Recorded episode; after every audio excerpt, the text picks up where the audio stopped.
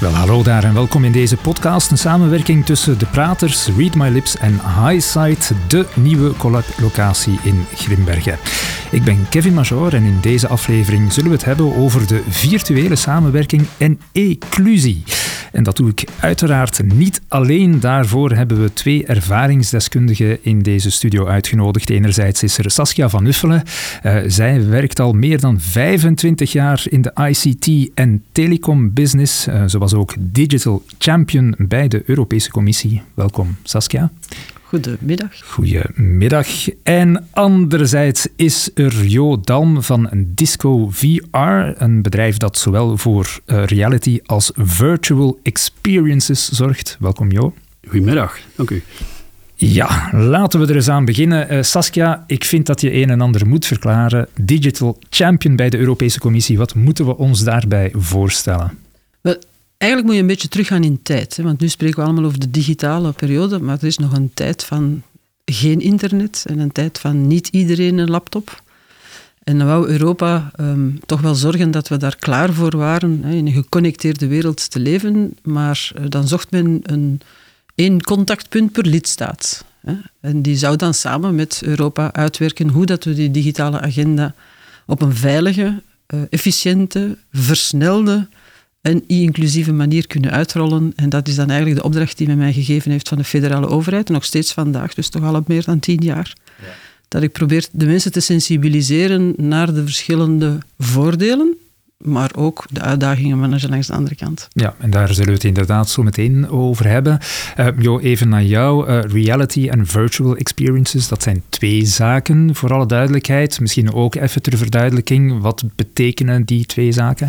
Wij creëren eigenlijk mixed reality en wij bieden de service aan om reality experiences uit te werken en dan brengen we aan de hand van 360-camera's, drones en dergelijke de realiteit bij de mensen thuis.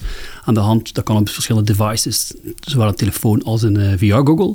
En aan de andere zijde doen we echt virtual reality, 3D-based uh, omgevingen ontwikkelen en daar dan toepassingen op ontwikkelen. Vooral voor sales en marketing. Dus eigenlijk is het ene een klein beetje non-fictie, maar met fictie-elementen, en de andere is helemaal all the way. Sky is the limit. Helemaal, helemaal concreet gemaakt uh, door ja, ja, artiesten eigenlijk die zo'n omgeving Klopt, opbouwen. Dan. Op basis van 3D-ontwerpen worden dan uh, leuke omgevingen ontwikkeld, waar dan leuke toepassingen kunnen op ontwikkeld worden. Om dan op een leuke manier samen te werken en niet uh, droog achter teams te zitten. En daar proberen wij ons te onderscheiden. Ja.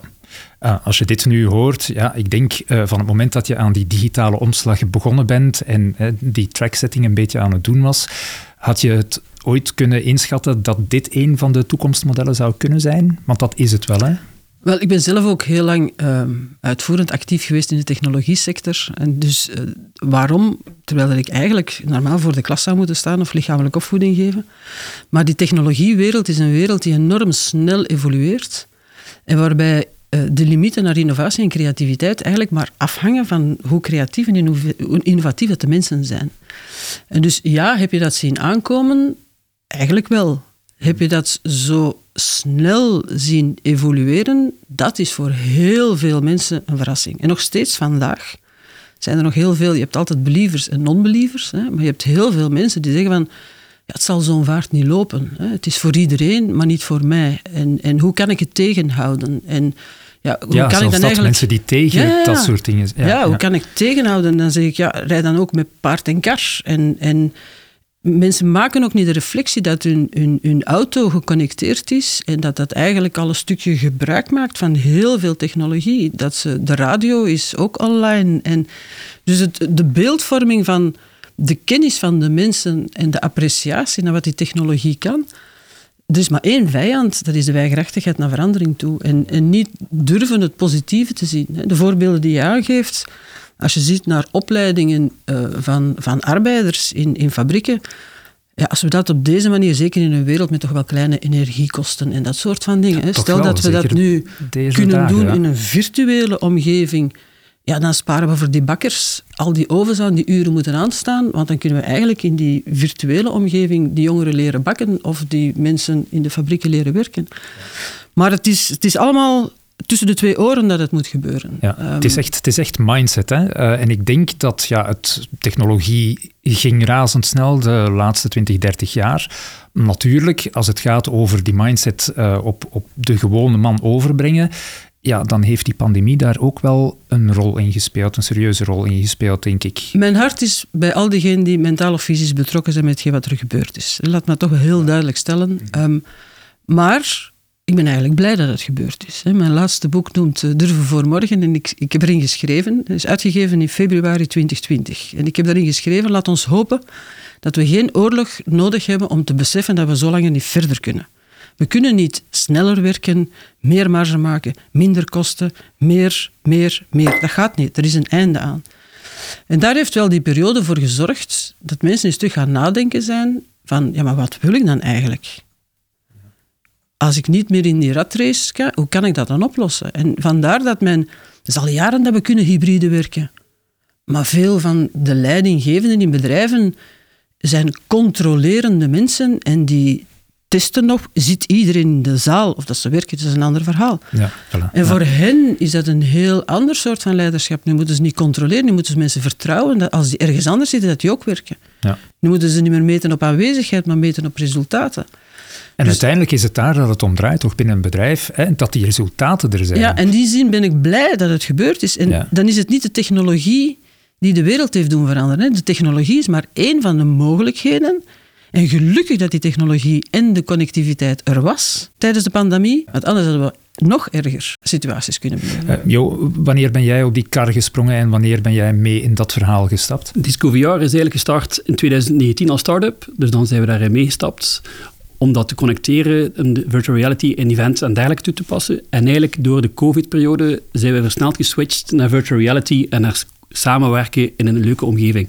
Om dat te faciliteren en we blijven believers van live communication en dat we elkaar moeten zien en dat we dat willen, willen doen. Maar we willen uh, aan de hand van de virtuele omgevingen toch de dingen sneller bij de mensen brengen, omdat we ook geloven, iedereen kent het web, iedereen gaat op zoek naar informatie, waarom kunnen we de realiteit niet bij de mensen brengen? Waarom kunnen we technologie niet gebruiken om het verhaal van mensen, bedrijven, organisaties te ondersteunen? En zelf ben ik daarin meestapt tijdens COVID heb ik de switch gemaakt van een andere sector naar dit, dit verhaal, omdat ik zelf ook altijd iemand ben die gefascineerd was door technologie, informatica en dergelijke. En zodoende ben ik met, met, met mijn collega's, Hai en eh, Jean-Baptiste, in contact gekomen en heb ik de stap meegenomen. En sindsdien trek ik samen hen mee aan de kar om dat verhaal nog verder te brengen en mensen te overtuigen, om die believers mee te krijgen, te zeggen van jongens, embrace de toekomst en kijk, dat kunnen we doen voor jullie en samen kunnen we daar dingen van maken. En we zullen niet alleen de waarheid in pacht hebben, maar dat deeltje zal sowieso zorgen op het werkvloer, maar ook in de privé, om dingen samen te ontwikkelen. En, daar, en daar geloven we heel hard in. En daar proberen we aan de kaart te trekken. Ben je dan een beetje de Zuckerberg van de lage landen? Of, Oeh, dat zal overdreven zijn. Want hij is ook een heel enorme believer van Meta. Hè. Zijn bedrijf heet nu intussen Meta, maar ook van die metaverse. Ja, en dat is voor ons een godsgeschenk. Ja. Omdat mensen vooraf dachten, metaverse, uh, virtual reality, dat is een VR-bril, dat is een spelletje, dat is gaming. En door Meta, door de Meta de naamsverandering die Facebook gedaan heeft, beginnen mensen te beseffen dat de metaverse eraan komt. En bedrijven beginnen ook te snappen wat het inhoudt, wat het kan. En daar, daar voor ons heeft dat een serieuze versnelling gemaakt. En daar, dat voelen wij wel. Alhoewel dat de insteek van jullie bedrijf wellicht iets anders is dan hoe hij het uh, ja, voorop stelt. Ja, hem is alles in, in de metaverse en voor ons is het een deeltje in ondersteuning van live communication. Ja, want is die combinatie maken van real life en dan ja, de, de positieve elementen, de, de elementen waar die, dat metagegeven iets kan bijdragen bij de verschillende sectoren, om dat te versterken uiteindelijk. Hè. Ehm, zijn, zijn er op dit moment inderdaad al sectoren waar het heel hard in gebruikt wordt, meer dan je zou denken? Ik moet eventjes teruggaan. Waarom zouden we die technologie aanwenden? Want ik hoor heel veel bedrijven zeggen, wij zijn heel innovatief, want wij hebben op het vijfde verdriep drie mensen die met AI bezig zijn. Dat is dus niet innovatie.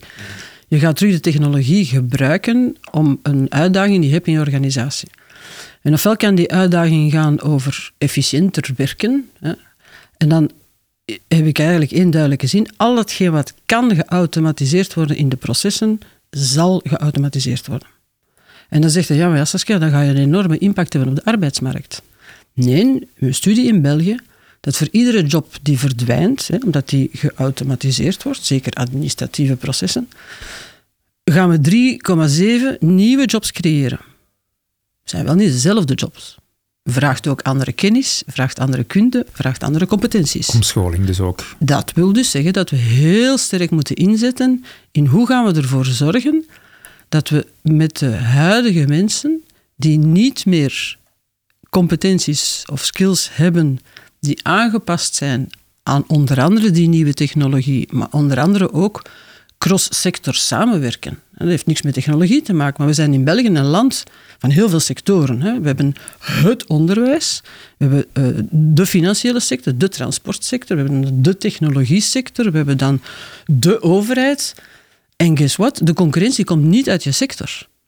We worden allemaal eh, aangeraden van met elektrische wagens te rijden. Ja, die wagens die moeten laadstations hebben. Die laadstations moeten onderhouden worden. De vraag is, wie gaat dat doen? Gaat dat de transportsector zijn? Gaat dat een energiebedrijf zijn? Gaat dat een technologisch bedrijf zijn? Tja, in België heeft een bank en een telecomprovider gezegd, wij willen dat wel doen. Dus we gaan door die sectoren heen moeten werken. We gaan multidisciplinair moeten zijn. We moeten creativiteit kunnen samenbrengen van mensen die gespecialiseerd zijn in één omgeving, maar mensen die ook gespecialiseerd zijn in een andere omgeving. En dus hetgeen dat het de mens moet ingezet worden, is het empathische stuk, is het menselijke stuk, is het stuk waar dat we nu niet gaan, uh, gaan automatiseren. Als ik daarnet een opmerking maakte naar het leiderschap, vroeger werd je manager, omdat je eens een aantal dingen goed gedaan had. En dan ging je naar een verdiep naar boven, dan kreeg je vijf mensen. Dan kreeg je nog eens een verdiep naar boven, dan kreeg je tien mensen. En op een bepaald moment twee vensters, een parkeerplaats. Totdat je 67 wordt en dan ga je met pensioen. Bonus niet vergeten. Bonus en dat soort van dingen. Ja. Vandaag is het niet meer die competenties die ik zoek in leiderschap, maar zoek ik competenties van mensen die mensen kunnen laten samenwerken. Die begrijpen dat een team aansturen in een hybride omgeving online, offline, wanneer het ook mag zijn, is iets heel anders dan iedereen samenroepen. Dus we gaan heel veel moeten inzetten en de technologie gaat erbij kunnen helpen met het scholen, het skillen, het opschalen, het upskilling en het herscholen uh, van, van mensen naar de toekomst toe. Als we willen geraken aan die 80% arbeidsgraad hè, die we gesteld hebben in België, en je moet, we moeten allemaal goed beseffen, die 80% is niet wildweg gekozen. We hebben die 80% nodig om onze sociale zekerheid, dus het welzijn, en de pensioenen te blijven betalen. Dus dat is niet puur economisch dat dat uitgedacht is. Hè. Als we die 80% willen houden, ja, dan moeten we iedereen zo lang mogelijk, met heel veel passie, op de juiste plaats actief houden. En dus er is een, een, de grootste uitdaging is de evolutie van een arbeidsmarkt Waar dat we weten in België, dat eh, Koning Boudewijn Stichting heeft het uh, laatst nog de update gecommuniceerd, dat we in België, toch wel een land met zekere welvaart, 46% van de Belgen hebben niet de juiste basiscompetenties in deze geconnecteerde wereld. Dus dat is toch wel echt iets om ons zorgen over te maken. En dus wat moet er gebeuren? Wel, inzetten op opleiding, opleiding, opleiding. Daarvoor de technologie juist gebruiken. Maar het is belangrijk dat Corneel van Londerzeel en Marcel van Brussel en Jean-Louis van Gosly, dat zij dat als individu ook beseffen. Je moet weten, Nederlandse taal spreekt men over levenslang leren. Ja. in het Nederlands is er maar één ding dat levenslang is. En dat is niet zo goed. Mhm. En dan krijg je de reactie bij, de, bij, bij het individu die zegt, nu moet ik al levenslang werken en nu moet ik nog eens levenslang gaan leren. Maar als we niet onze cultuur, onze mindset, vanaf de jongste studenten tot iedereen zeggen van kijk, wij gaan jullie helpen om op een positieve manier in die arbeidsmarkt te kunnen evolueren, dan moet je niet kijken naar het onderwijs, of dan moet je niet kijken naar de politiek, of dan moet je niet kijken naar de industrie, maar dan moet je misschien kijken naar ieder individu. En dat is de grootste uitdaging. We hebben heel veel, ik heb er nu meer dan tien jaar aan gewerkt, we hebben heel veel in het ecosysteem zitten van bedrijven die ermee bezig zijn, zowel op het gebied van opleidingen als op het gebied van inclusiviteit. Maar we hebben 12 miljoen burgers nodig om daaraan mee te werken. Ja. In welke mate kan jouw bedrijf dan daar bijvoorbeeld een rol in spelen? Want ja, jullie propageren die metaverse, dat, dat, die virtual reality en die, die extra componenten. Maar je moet natuurlijk inderdaad ook wel de mensen ervoor hebben om dat effectief uit te rollen dat die mee kunnen zijn. Klopt volledig. En dat is ook een van de redenen dat wij heel hard geloven dat het start bij ons onderwijs. En wij we hebben allemaal kinderen en we denken van hoe willen we onze kinderen opvoeden, wat willen we ze meegeven. En dat is ook een van de redenen dat wij heel hard uh, proberen om scholen te triggeren om op een laagdrempelige manier in te stappen in bijvoorbeeld in een virtual reality model van hun school, om die kinderen te prikkelen. En dan geven we cases op scholen om dat te prikkelen, om op die manier ons bijdrage te doen. Maar ik merk bij mijn eigen kinderen dat het heel belangrijk is om op een speelse manier op in contact te komen met technologie, programmatie en dergelijke, omdat ik daar ook van overtuigd ben, en net zoals mijn collega's, dat technologie zal bijdragen bij wat de oplossing zal zijn. Ik zeg niet dat dat de enige oplossing is. Ik ben volledig akkoord dat we het samen gaan moeten doen. We hebben altijd mensen nodig die ons brood zullen bakken. En onze schrijnwerker, die hebben we altijd nodig. Maar we, hebben wel, we zijn veranderd van een maakindustrie naar een, naar een technologische industrie, naar een uh, kennisindustrie. Dus het zal heel belangrijk zijn dat we die kinderen daar kunnen uh, in meegeven. En dat proberen wij op een, op een speelse manier om mee te geven, om op verschillende scholen projectjes op te zetten. Samen met Stad Oudenaarde hebben we, hebben tien scholen in beeld gebracht. Ze hebben dat gedaan op een laagdrempelige manier hebben daar een klein centje naar verdiend. De wereld is, draait jammer nog niet rond zonder iets. Maar we doen, hetgeen er wel tegenover staat, is dat wij op die scholen rondgaan en dat we meehelpen om dat in de kijker te zetten en die kinderen een eerste ervaring te geven met die VR-bril om die eigen school te ontdekken. En bijvoorbeeld in, uh, in Nieuw Oudenaarde heeft een citymap gemaakt. We hebben op de uh, Open Monumentendag de, de mensen en de kinderen die daar geweest zijn gefaciliteerd om in een VR-bril die dingen te ontdekken. In Eeklo hebben we dat ook gedaan. En op die manier proberen we nu kinderen toegang te geven tot de technologie en wat het kan, om op die manier de prikkel te geven. En dergelijke projecten proberen wij op te zetten om daar eigenlijk samen de ondersteuning aan te geven. En als je dan de kinderen mee hebt, dan misschien ook de ouders, die dan het meer zien als het is, het is ook iets educatief. Het is niet gewoon gamen ja, en dat die, proberen die dingen. Ja. Dat is natuurlijk een kwestie van tijd. Hè?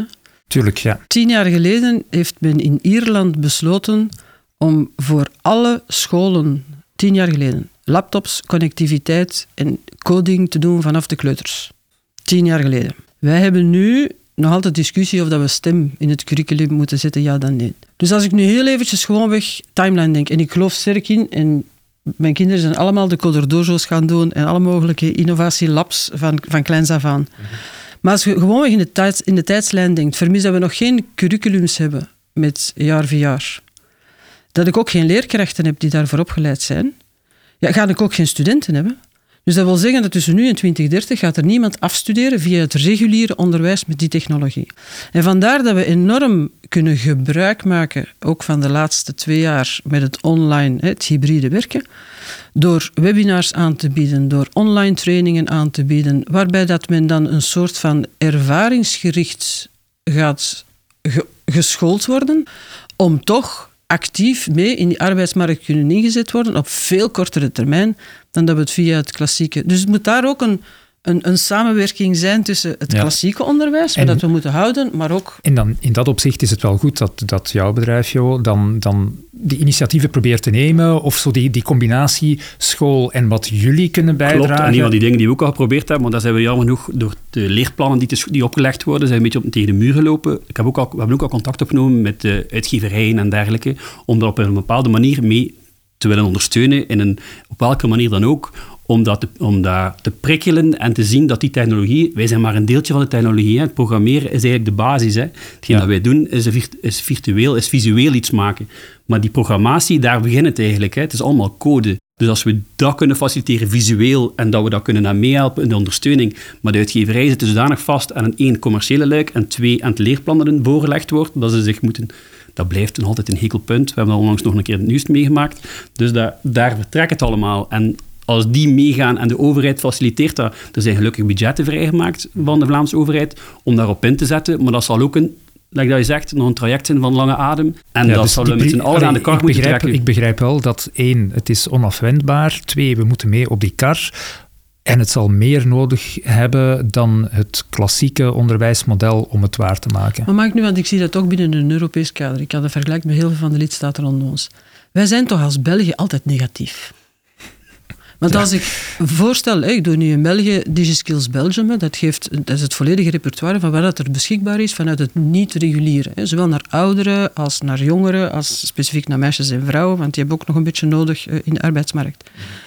Dan hebben wij een ecosysteem, zoals jullie organisatie, dat fantastisch goed ontwikkeld is. Maar niemand weet het. En dus niemand apprecieert het. En dus zitten we altijd te klagen en te zagen en te kijken naar het onderwijs. Maar als we nu eens met z'n allen beseffen wat dat we eigenlijk al allemaal hebben als rijkheid, dan hebben we niet zoveel nodig om een antwoord te kunnen bieden in compensatie van het regulier onderwijs. En het gaat over technologie. Vandaag spreken we veel over metaverse. Hè? En dan ga je zeggen, van, gaat dat nu echt gebruikt worden? En gaat dat nu effectief rekening houden met de businessmodel? We spreken ook over duurzaamheid, hè? we spreken over groene schil, we spreken over sustainable, we spreken over alle dingen. Dus het gaat niet over digitale competenties, het gaat over toekomstige competenties. En meertaligheid is voor mij ook een, een digitale competentie. En multidisciplinair samenwerken is een digitale competentie. En ja, ik heb codeurs nodig en mensen die iets van artificiële intelligentie kennen en, en metaverse. Maar als we nu eens gewoonweg zouden kunnen appreciëren wat we al allemaal hebben in complementair van uh, het klassieke onderwijs, waar dat uiterst zijn best doet en, en daar zeker was, dan hebben we heel veel in ons handen om op heel korte termijn. Er zijn alleen maar twee dingen die mankeren. Het eerste is ik hoor heel veel in de bedrijven, ja, maar ik wil graag hè, een olifant die 200 gram weegt, die rood is, die kan zingen, toch een slurf heeft, liefst met uh, eh, 13 jaar metaverse ervaring en als het even kan, een vrouw minder dan 26. Ja, dat ga je niet vinden, dat ga je nooit niet vinden. Dus we moeten in het recruteringsproces van mensen afstappen van dat is een bachelor, dat is een master, dus dat is een goeie. Nee, dat is misschien iemand die eigenlijk al heel veel gaming gedaan heeft. En vanuit de praktijk heel veel kent over AR en VR, die al zelf een beetje leren, leren spelen heeft met coderen. En we moeten dat aanvaarden als iemand die een basiscompetentie heeft. Is dat dan een diploma? Nee. Maar dat is wel een competentie. Ja, want die kan wel doen wat, wat jij wil dat hij doet binnen, binnen die context. Binnen die context. Ja. En dan is het aan de organisaties om die constant bij te leren en de mogelijkheid geeft van hè, zich constant bij te scholen naar nieuwe technologieën. Dus ik ben, de zon schijnt ook buiten, ik ben ook eeuwig een optimist. Um, ik denk dat we niet voldoende appreciëren van wat we al allemaal hebben. En dat we gewoon vanuit de industrie, vanuit, vanuit de sector, die, die, die, die stukjes bij elkaar moeten leggen en daar effectief mee aan de slag gaan uh, om het, uh, de uitdaging versneld op te lossen. Ja, als je zegt het is nog onvoldoende bekend, wil dat dan zeggen dat er ja, vanuit media of weet ik veel, dat er meer aandacht voor moet ja, gericht worden? Of, of hoe, hoe kun je het bij een grotere ja, bevolkingsgroep uh, Communicatie is geen kosten. We hebben dat ook gezien met, uh, met de covid-periode. Als je niet goed communiceert, dan heb je pas kosten. Hè? Als je met energie niet goed communiceert, dan heb je pas kosten. Dus we moeten al eerst beseffen dat communicatie is geen kost, maar is een manier om effectief een verandering te kunnen, uh, kunnen implementeren. Als je gaat kijken, we hebben heel veel funding en subsidieactiviteiten in België en Europa. Hè? Dat fantastische relanceplan. Ik heb dat volledig voor België Brussel, Wallonië, Vlaanderen federaal nagekeken, voor Europa ook. Het totale budget dat ik kan inzetten om te communiceren en de burger te sensibiliseren, want die hoort vanuit de media alleen maar slecht nieuws. Hè? Fake news en phishing en alle mogelijke. Ja. Dus als we die boodschap willen weerleggen, ja, dan heb ik communicatiebudgetten nodig. Het, het, totale budget dat vanuit al die funding ter beschikbaar was, is zowel in België als in Europa nul. We moeten allemaal een studie maken waar dat het probleem ligt, terwijl het eigenlijk al allemaal weten. We moeten allemaal nieuwe dingen gaan maken, terwijl ik al heel veel goede initiatieven heb. Ja. En dan sterft dat een stille dood, want dan is het geld op en dan gaan we terug eens een studie maken. Dus we moeten effectief inzetten op, op communicatie, op sensibilisering, enerzijds. En anderzijds ook uh, keuzes maken en samenwerken. Ik weet dat dat in België is dat een complex land. Hè. We hebben federaal, we hebben regionaal. Maar er is nu toch wel op tien jaar iets meer uh, betrokkenheid naar de problematiek van de arbeidsmarkt en uh, de juiste competenties kunnen actief houden. Dat ik uh, echt een gelover ben dat we nu in 2023 een overslag kunnen maken als we aanvaarden dat er naast diploma's ook heel veel ander potentieel beschikbaar is voor de arbeidsmarkt. En ik hoor inderdaad hier een heel positieve boodschap. Een die jij ook wel zal onderschrijven en toe zal juichen. Want ja, als dit jullie business is, kan alleen maar groeien als je dit soort mensen alleen maar believers. Uh, dus uh, wij horen bij het kamp believers. Dus wij hopen inderdaad op communicatieve manier te vertellen en ons verhaal verder te vertellen dat wij daar een deeltje van zullen zijn van de toekomst. Um, Jeff Brouwers heeft mij ooit geleerd, de andere is de norm. En dat is dat ik heel graag meedraag. Is, uh, hetgeen dat we proberen ontwikkelen, is om mensen daar toegang toe te geven, maar dat voor hen te ontwikkelen. En te zorgen dat zij daar iets aan hebben en niet zomaar iets op de markt willen brengen. Dat is leuk om te doen. Nee, nee, het moet iets zijn waar ze, waar ze zelf een toepassing voor hebben die zinvol is. En dat proberen we echt te doen. En elke keer opnieuw, wij onderscheiden ons en we proberen iets anders te doen dan onze collega's, om altijd maatwerk te maken en een leuke toepassing te ontwikkelen. Die zinvol is, omdat het gebruikt wordt. Je mag ontwikkelen wat je wilt, maar als niemand het gebruikt, dan stel, sterven we te stille dood en dan uh, heeft het echt geen zin. En dat proberen we echt uh, hard aan de kaart te trekken en samen met alle mensen die erin geloven een deeltje bij te dragen en op een interactieve manier samen te werken. Wel, als 2023 het benchmark hier is, dan uh, stel ik voor dat we begin 2024 nog eens samen zitten en eens kijken hoe ver het daarmee gelopen is, hoe goed het gaat en waar er eventueel nog uitdagingen zijn. Mag ik jullie alvast bedanken voor dit gesprek. Saskia, Jo, bedankt om hier erbij te zijn. Uh, deze podcast is mogelijk gemaakt door High Festival en High City in uh, Grimbergen, door Read My Lips en door De Praters. Als je als organisatie of bedrijf ook zelf een podcast wil hebben, check dan bijvoorbeeld gewoon depraters.be. Ik was eh, Kevin Major. Graag tot een volgende keer.